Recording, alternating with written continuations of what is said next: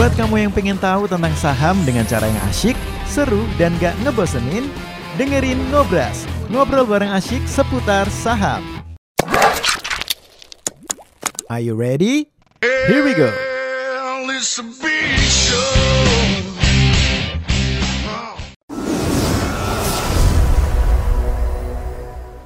Kita akan membahas satu saham yang mungkin hari akhir-akhir ini sering diperbincangkan ya sobat investor ya. Dan semoga ini bisa membantu sobat investor yang mungkin lagi dalam proses saham ini dalam watchlist tersendirinya atau lagi dalam perhatian khususnya untuk saham ini. Ya masih untuk beda emiten ini kita tidak ada untuk ajakan membeli atau menjual. Kita di sini untuk mengecek atau melihat lebih dalam lagi sektor bisnisnya seperti apa pergerakannya seperti apa dan lebih komplit lagi lah Bapak Ibu ya. Supaya bisa untuk menjadi acuan Bapak Ibu apakah saham ini bisa untuk ditradingkan atau diinvestasikan untuk jangka panjang atau malah untuk diswingkan nih sobat investor. Bersama dengan Bro Gilbert dan ada Pak Fataliansa Bediman untuk hari ini di bedah emiten. Silakan Bro Gil dan Pak Fat Baik Rick, selamat uh, pagi Bapak Ibu. Pagi, jadi pagi, pagi. hari ini adalah harinya beda emiten. Jadi kita akan beda emiten uh, perusahaan yang memang beberapa minggu terakhir ini jadi jadi jadi bahan banyak omongan orang-orang lah. Karena Oke. dia baru IPO, terus naik, terus sahamnya turun. wow Turunnya kencang banget dan memang beberapa yang saya lihat memang banyak yang bilang bahwa banyak yang maksudnya gini loh, bukan ajakan membeli menjual sih, tapi yes banyak dibahas lah. banyak dibahas Jadi seakan-akan orang jadi oh iya jadi ikutan, tapi sebenarnya kayak gimana sih fundamentalnya? Karena sebenarnya eh tadi kan lu sempat tanya kan, ya ini bisa naik kolesterol apa nggak? Kalau kebanyakan iya. tetap kebanyakan kalau Iya, kebanyakan jadi ini iya. adalah Bert udah dari awal udah langsung dari halaman. Ah. jadi kalau misalnya anda tanya apa nama perusahaannya, perusahaannya adalah WMUU. Yes, ada WUM di sana. WMUU. Umu, umu, umu. Widodo Makmur Unggas. Ayam-ayaman ya. Ya, ya, ya. Oke. Rogil. Oke Bapak Ibu. Jadi hari ini kita akan mengambil tema mengenai uh, perubahan fokus segmen bisnis WMU nih. Kalau misalnya Bapak Ibu berpikir bahwa WMU ini sama dengan yang namanya Java atau sama dengan Cepin atau sama dengan Mylindo, ini sebenarnya agak berbeda nih Bapak Ibu. Secara sektor memang sama tapi secara fokus pada segmen bisnis ini agak berbeda. Nah, kalau kita lihat dari lini bisnis dari WMU ini dia memiliki uh, sebenarnya bisnis yang terintegrasi nih Bapak Ibu mulai dari uh, feed mill atau pembuatan pakan ternaknya, mulai dari juga pembenihannya juga dan juga ada juga bagian untuk peternakan komersial broiler. Kemudian di sana juga mereka ada rumah potong hewan dan kemudian ada peternakan pembibitan dan juga ada yang namanya peternakan lapisan nih Bapak Ibu. Nah, di sini Oke, pelan-pelan Bert. Jadi bisnisnya si WMU ini dia ada peternakan komersial bro- broiler. Mm-mm. Jadi ayam-ayam yang yang gede-gede itu ya. Iya, yang Ya. kayak persilangan-persilangan lah istilahnya kalau boiler. Oke, terus ada pembenihan. Uh-uh. Berarti dia dari eh, anak ayam sampai jadi Mm-mm. gede. Mm-mm. Terus ada feed mill nih untuk eh, apa, Pakannya. pakan ternaknya. Ada rumah potongnya, Yes. ada peternakan pembibitan. Apa bedanya sama yang pembenihan itu, Bert? Kalau di pembenihan itu Pak dia baru yang dari telur udah oh, mulai. kalau ini yang bapaknya ya, Bapaknya. induknya, induknya lah Iya. ya. Oke, kalau peternakan lapisan dia lebih ke grand istilahnya grandparent grandparent stock lah. Istilahnya Oh. kayak adalah sebentar setelah ini penjelasan. Oke oke oke. Jadi ada beberapa ya. Tapi Ah. hubungannya sama ayam semua ya. Ayam semua. Oke. Dia memiliki bisnis yang terintegrasi nih Bapak Ibu. Kalau kita perhatikan dari yang pertama di sini adalah feed millnya dari pakan ternaknya. Kemudian dia ada namanya grandparent stock nih yang sebenarnya kalau yang diimport-import itu adalah bibit ayam ini nih yang diimport-import. Jadi kayak kita ah kita kita sederhanakan bahasanya jadi ayam bule lah kalau misalnya. Kemudian ayam ini kita istilah sederhana dong ayam bule. supaya lebih cepat lu- supaya lebih mudah dipahami ayam bule ini kemudian dia uh, kayak dikawinkan jadi dia membentuk namanya parent stock oke Oke. dengan ayam lokal ah di sini juga dia juga akan membentuk nanti namanya ayam boiler yang memang khusus untuk pedaging dan juga ayam yang khusus untuk petelur Hmm. Hmm. nah kemudian yang di boiler uh, commercial farm ini adalah ayam yang memang khusus untuk yang uh, bagian pedaging tadi Ayam pot- ayam potong ya. Iya, ayam pokong, Potong. ayam potong. Kemudian dari yang boiler ini yang kemudian dikirim ke pelanggan. Kemudian yang kalau yang untuk yang di bagian tadi yang ay- untuk ayam petelur, memang khususnya dia untuk telur. Kemudian dia di ini di bagian plasma ini adalah bagian ke- kemitraannya mereka lah dengan peternak-peternak supaya Hmm. dirawat oleh peternak-peternak nih. Nah, dari peternak-peternak itu akan ke pelanggan. Kemudian di sinilah sebenarnya fokus bisnisnya mereka yaitu slaughterhouse atau bagian pemotongan. Yang ayam-ayam pedaging tadi dipotong jadi bentuknya seperti ini Bapak Ibu. Ini adalah namanya ayam eh, sebentar. Oh, Ayam karkas. Oke, jadi dia tuh nyediain ada yang buat Ah. ayam buat kawin silangnya ada, ayam yang dari kecil biar buat siap dipotong ada, yang jadi broilernya pun juga ada. Yap. yang dari plasma juga ada, tapi semuanya harus dipotong sama dia. Sama dia. Oh. Benar. Nah, coba ini. Oke. Oke, ini namanya ayam karkas nih yang kalau tinggal kalau misalnya kita lihat di pasar-pasar tinggal iya, iya, iya, tinggal iya. ini tinggal badannya. Dagingnya, oke. Tinggal badan ini namanya adalah ayam karkas. Ini yang disimpan yang bisa ditaruh di kulkas. Kulkas bisa. Ya. Kemudian dari ayam karkas inilah fokus bisnisnya mereka mulai berubah tuh Bapak Ibu. Nah, kalau kita lihat mereka udah mulai mengirim ke satu rumah rumah tangga di bagian sini porsinya 49%, ke hotel restoran, ke industri pengolahan dan juga jasa kesehatan nih. Hmm. Sebentar, Bar. Berarti dia itu nggak ada yang kayak jual kayak chicken nugget itu nggak ada. nggak ada. Untuk produk olahan nggak ada. Oh, berarti dia oh iya iya iya. iya. Hmm. Berarti oke ini bi- eh, bibit disediain, ayam silang disediain. Kalau misalnya mau ada peternak ini semua dia, dia bisa kerjasama, Ah, ah. tapi semua harus dipotong sama dia. Jadi dia semuanya dipulingin di dia gitu ya. Di sama dia. Baru nanti dari dia itu setelah dipotong baru didistribusin Distribusikan ke ada ke rumah tangga, Ah, ah. hotel, restoran, cat- catering, industri peng Oh, oke oke. Oke. Oh, Horeca ya.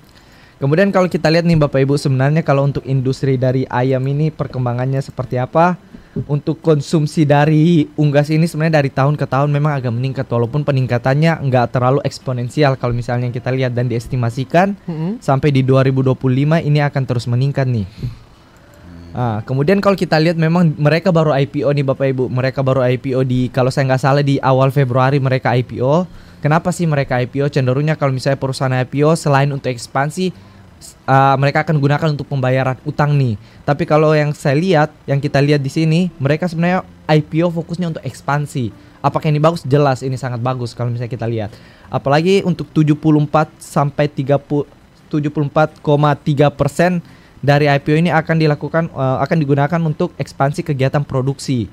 Nah, di sini coba kita jabarkan mengenai porsi-porsinya tadi itu tuh. Ada mulai dari breedingnya, mulai dari layer komersial farmnya, atau pembangunan dari ya kayak fasilitas hatchery atau kayak penetasan telurnya, betul, betul. dari boiler komersial farmnya atau yang kayak tadi yang ayam ayam pedaging dan juga pembangunan fasilitas untuk pemotongan tadi nih slaughterhouse ini dan juga untuk pembangunan fasilitas di feed mill dan ini Bapak Ibu akan ditargetkan selesai kalau kita lihat maksimal semester 1 karena yang paling lama di sana adalah Agustus 2001. Jadi September, September. Yang commercial Oh farm iya ya, September. Hmm. Kemudian kalau yang kita lihat hanya sekitar 25,7 persen yang akan digunakan untuk modal kerja. Itu pun hanya untuk pembelian bahan baku feed mill dan juga pembelian ayam boiler komersial untuk slaughterhouse. Karena kalau kita lihat tadi, kalau untuk yang di rumah potongnya mereka, selain kontribusi dari mereka dari peternak mandiri juga mereka ambil pak. Oh, Oke, tapi marginnya lebih kecil berarti ya kalau gitu. Slaughterhouse tuh RPA ya berarti ya, rumah potong RPA, ayam ya. Rumah potong ayam. Iya, iya. Oke. Seru nih. Jadi kalau pasar modal tuh selalu ada aja yang baru sekarang kita belajar Ah. ayam nih nanti nih. Yes, yes, yes. Kemudian kalau yang kita lihat mengenai uh, produksinya mereka, produksi mereka sebenarnya mereka udah mulak- uh, melakukan pembangunan secara bertahap nih sejak 2017 dengan target selesai di target uh, di 2022. Dan juga di sini ada mengenai uh, dengan tujuannya adalah untuk peningkatan kapasitas produksi nih. Di sini ada beberapa wilayah di mana pabriknya mereka berada nih. Hmm. Kemudian kalau kita lihat mereka juga sebenarnya melakukan yang namanya perjanjian kemitraan nih Bapak Ibu. Jadi antara perusahaan dengan peternak di mana perusahaan ini menyediakan bahan-bahan peternakan ayam yang terdiri dari bibit dan juga ada pakan ternak, kemudian membeli ayam hidup dengan harga yang disepakati ke peternak tadi. Sedangkan peternak mereka melakukan pemeliharaan, perawatan dan juga pengembangan nih. Selain dari bagian supply untuk di bagian uh, ayamnya ini sebenarnya mereka juga bekerja sama dengan mitra-mitra berskala internasional, uh, berskala nasional. Fokusnya apa? Untuk menjamin produksi jagung. Karena kalau yang kita tahu produk uh, jagung ini adalah salah satu uh, sumber utama dari bahan bakunya mereka nih untuk pakan ayam. Dan juga dalam mengembangkan kebun jagung melalui mek- uh, mekanisasi perusahaan bermitra dengan pemilik tanah berskala besar untuk menjamin kebutuhan jagung perseroan. Sebenarnya salah satu langkah ini juga untuk meminimalisir satu untuk menye- uh, menjamin ketersediaan, kedua supaya uh, import jagungnya mereka itu kurang. Iya. Ah, gitu. Karena paling ini sih pakan ternak tuh paling besar jagung sama gandum ya. Iya, Eh, betul. Eh kedelai. Eh, iya kedelai, soybean. Soybean. Kemudian kalau kita lihat sebenarnya mereka itu bertumbuh secara eksponensial nih Bapak Ibu. Ah, eksponensial satu dari hasilnya mereka oke jelas bertumbuh, tangnya mereka juga mereka udah mulai ada penurunan dan kalau kita fokuskan yang di sudut kanan sini Bapak Ibu penjualannya mereka sejak 2019 sampai di Oktober 2020 itu pertumbuhannya itu eksponensial. Nah, sebentar kita akan lihat apa yang membuat eh, pertumbuhannya mereka ini eksponensial. Selain itu juga selain pertumbuhannya mereka yang eksponensial, marginnya mereka juga ini mulai bertumbuh nih. Dari sebelum margin laba bersih dari sebelumnya 4%, 5% dan sekarang ini 7%. Ber- Bapak Ibu ya, harus diperhatiin ya, yang sebelah kiri itu DER-nya dia turun karena dia IPO. IPO salah Oh, satunya. Jadi rasio utang terhadap ekuitasnya jadi kalau kemarin yang ikutan edukasi eh, DER-nya ini turun ya karena memang dia habis IPO, dapat IPO dapat duit otomatis akan dicatat- dicatatkan masuk di ekuitas tuh Bapak Iya. Ibu. Jadi neracanya itu dicatat sebagai kas diterima di eh, ekuitasnya dicatat sebagai eh, ada penambahan ada penambahan modal ya. Jadi ini turun karena itu ya. Tapi dari sisi yang sebelah kanan kenaikannya ini yang sebelah kiri itu apa Bert? Yang apa yang 1000, 900, 800 itu apa? Miliar kah atau Oh, yang bagian miliar, Pak. miliar? Nanti coba ditambahin ya Mm-mm, miliar ya. iya. Oh, jadi, jadi eh, penjualan dia tahun 2017 di bawah 100 miliar. Yang mana? Nih. Oh iya, di bawah 100 miliar. Nah, sekarang dia 900 miliar. 900. Wow.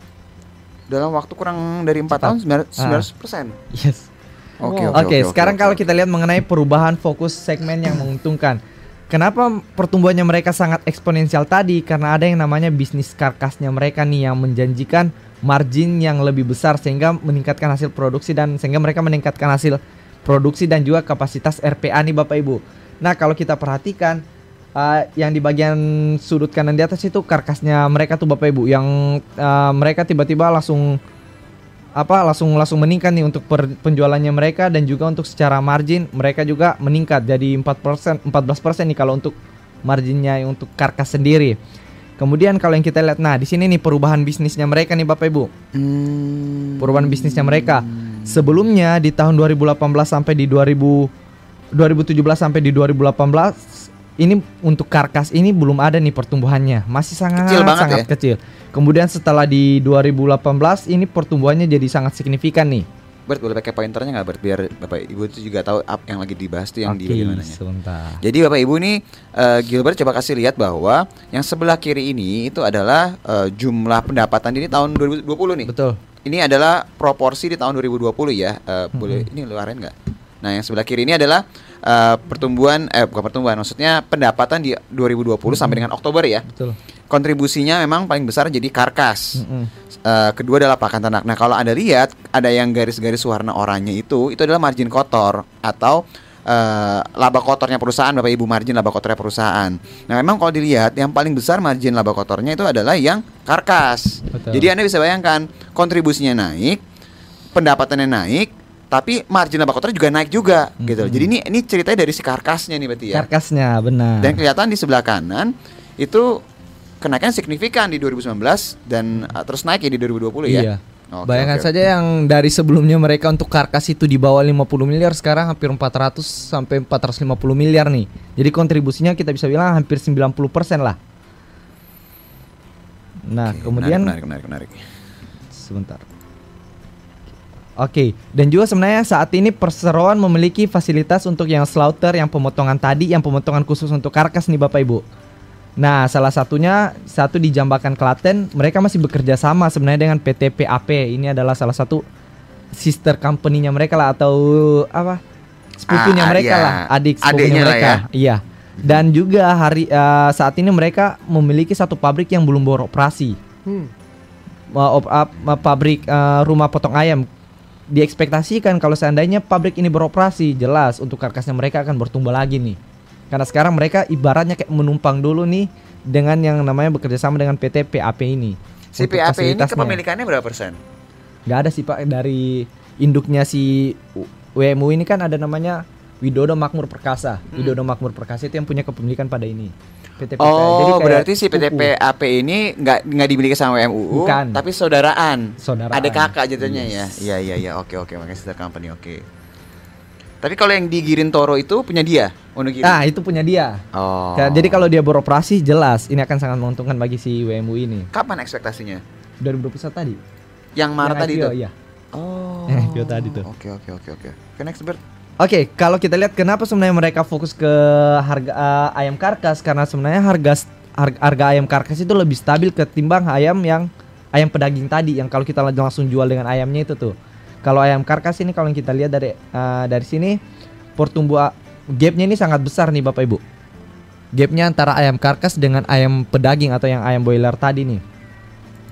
Kemudian juga eh, coba coba iseng mengenai cari mengenai harga di Tokopedia kalau yang kita lihat Jadi harga keisengan Gilbert sekarang adalah nyari harga ayam, Drik. Iya. nyari harga ayam untuk haya harga ayam karkas udah cocok lah. Mulai berumah tangga udah cocok lah. Ngapain hobinya nyari harga ayam? Oke, Andre. Oke, untuk yang terbaru Pak, ini kan 2019. Ini kita cari yang terbaru 2021. Oke, kalau untuk keliling-keliling. untuk harga ayam ayam, ayam karkas yang 700 gram ini 24.000 Ya, anggaplah kalau kita bulatkan ke 1 kilo karena ini kan 1 kilo nih Bapak Ibu. Hmm. Kalau kita uh, bulatkan ke 1 kilo mungkin harganya sekitar 36 sampai 38 ribu untuk ayam karkas sedangkan untuk ayam boiler ini sekitar 20 ribu nih Hmm. 20 ribu jadi jelas sampai sekarang untuk gap antara harga ayam dengan ayam karkas dengan ayam pedaging ini masih sangat lebar Oke. kemudian kalau yang kita lihat mereka ya, apa yang mereka lakukan saat ini adalah memperkuat jaringan distribusinya jadi mereka ini mempunyai pusat distribusi yang dilengkapi oleh fasilitas cold storage uh, storage Ah. serta didukung oleh armada pengiriman ber, berpendingin nih. Jadi sehingga produknya mereka ini bisa tahan lama. Dan juga kalau mereka mengakui bahwa uh, karena jaringan distribusinya yang kuat, produk terjual ini dengan turnover yang sangat cepat atau kurang dari empat bulan nih Bapak Ibu. Nah, mereka juga baru-baru ini di tahun 2020 mereka kerjasama dengan yang PT Retail Komoditas Nusantara atau Agretail dan juga uh, mereka menandatangani MOU untuk distribusi ke 150 kota dan kabupaten se-Indonesia dan di sinilah itu mengenai uh, dis- untuk yang bagian titik-titik distribusi dari perseroan ini nih. Cuma memang untuk di bagian Papua sana belum sempat mungkin ke sana, masih terfokus di bagian Jawa. Bert, sebelum kita lanjut ya, pertanyaannya boleh nggak balik lagi ke ke slide berikutnya? Saya tadi masih penasaran. Ah ini nih nih nih. Kenapa harganya dia si karkas ini lebih mahal dan cenderung lebih stabil? Apa karena memang kalau ayam broiler itu dia itu nggak taruh di kulkas atau gimana air cepat basi. Kalau ayam, ayam karkas kan emang yang di pack ya kan, terus ditaruh yang buat di kulkas. Setahu saya itu bisa tahan sampai sebulan dua bulan gitu. Apa karena harganya seperti karena bisa disimpan lebih lama di harga lebih stabil atau gimana? Ah, karena kalau kita lihat sebenarnya yang dari satu dari ah, pengirimannya mereka kan mereka menyasar yang uh, supermarket supermarket pak. Mm-mm. Sedangkan kalau ayam pedaging kan lebih kebanyakan di pasar. Oh. Nah, salah satunya itu karena itu, Oke, Pak. Iya iya iya iya. Oke oke oke oke. Kemudian kalau kita lihat juga mereka mempunyai uh, serta hubungan yang kuat dengan yang namanya pelanggan kunci nih Bapak Ibu. Jadi di sini adalah uh, perbagian uh, pembagian dari penjelasan dari untuk uh, Pendapatan ya? pendapatannya mereka nih berapa yang mereka berapa, berapa ekor yang mereka jual dan juga berapa ton yang mereka jual dan kalau kita lihat karkas ini juga di sini ada sekitar 16.000 16.000 ton nih yang mereka jual nih yang Wow. pembagiannya seperti ini nih ke bagian distributor, ke bagian modern trade atau oh, modern retail atau kayak supermarket dan sebagainya, ke e-commerce juga atau langsung ke end user. Jadi memang fokusnya mereka kalau yang kita lihat salah satunya adalah ke yang supermarket supermarket nih Bapak Ibu. Prosesnya itu ke mana ya? Gak tahu kalau proses yang itu Karena gede porsinya. Iya. Dia dia dia kasih lihat ya angkanya ini ya. Di prospektus terbukanya mereka. ini ya terbuka juga berarti Ah. ya. Karena biasanya agak jarang, agak susah nyari data kayak Betul. gini nih. Oh, Oke. oke oke oke dia detail sini. Mm-mm. Kemudian Wah, yang menarik, kalau menarik. kita lihat nih Bapak Ibu belakangan ini memang uh, untuk harga ayam itu bisa kita bilang lah over oversupply oversupply. Kenapa? Karena memang pertumbuhan dari industri perunggasan di sektor hulu atau di bagian mulai dari pembibitan tadi jauh lebih pesat daripada yang dihilir tadi di bagian rumah pemotongan ataupun langsung ke end user. Nah, apa yang akan dilakukan pemerintah terakhir di 2020 itu pemerintah mengeluarkan beberapa kebijakan tuh. Salah satunya adalah pengurangan DUC, eh, DOC atau D- yang apa ayam umur DOC. sehari Ya, all itu melalui cutting umur 18 hari dan juga penyesuaian setting uh, HE dan juga afkir dini PS. Jadi kayak kayak istilahnya kayak misalnya kayak telur yang akan menetas, telur yang sudah menetas itu digagalkan di Iya iya iya. kayak iya. gitu lah bahasa Itu normal ininya. sih memang itu normal. Ah, ah, supply sama demand. sih. Supply-nya terjaga. Mhm. Dan juga hasilnya apa? Hasilnya di sini dijelaskan bahwa pada bulan Oktober harga DOC-nya tadi itu udah mulai stabil dan bahkan naik nih. Kemudian selain itu juga untuk harga live bird-nya tadi atau, atau ayam hidupnya juga sudah mulai agak stabil dan bahkan di 2021 aja oh, minggu pertama tadi udah mulai stabil nih Bapak Ibu 20.200. Jadi jelas kalau kontribusi dari pemerintah ini mah, eh, sangat sangat berefek lah atas atas untuk menstabilitaskan mengenai stabilisasi mengenai supply dengan demand dari ayam-ayam ini. Kemudian kalau misalnya kita lihat eh, ada empat sebenarnya eh, di sini mengenai downside risk-nya. Salah satunya adalah rentan akan oversupply yang sehingga menyebabkan tipisnya margin dan juga sangat bergantung pada kebijakan pemerintah untuk dapat mengontrol stabilitas harga. Kemudian membutuhkan distribusi konsisten untuk menjangkau mode modern trade, general trade dan lain-lain juga persaingan usaha yang ketat di antara pemain besar seperti Java, uh, Cepin dan juga Mailindo. Seperti itu. Oke, eh ini masalah dia oversupply ini em, tapi tadi kalau lihat dari beberapa tahun harganya tuh nggak terlalu fluktuatif ya harga karkasnya ya. Betul. Oke, coba tadi yang eh, resikonya apa resikonya nggak nggak nggak- nggak muncul di situ tadi ya? Sangat bergantung pada kebijakan pemerintah untuk oke iya. Mm. Nah masalah distribusi nih Bert, Mm-mm. si di, coba boleh balik nggak ke pendapatan itu tadi? Karena penting banget karena Yes. ketika dia menaikkan jumlah pem- pemotongan ayamnya, apalagi dia. Nah sekarang tanya saya gini, dari mana yang pendapatan dia Bert? Yang gambar pendapatan? Yang porsi pendapatan yang apa ada angka-angkanya tadi tuh yang detail itu? Oh iya, sebentar. Ah, Nah ini dia. Nah pertanyaan pertama adalah waktu nanti dia rumah potong ayamnya itu mulai beroperasi yang baru, Mm-mm. itu kenaikannya berapa persen? mereka nggak ya jelaskan tuh, Pak. Mereka nggak jelaskan.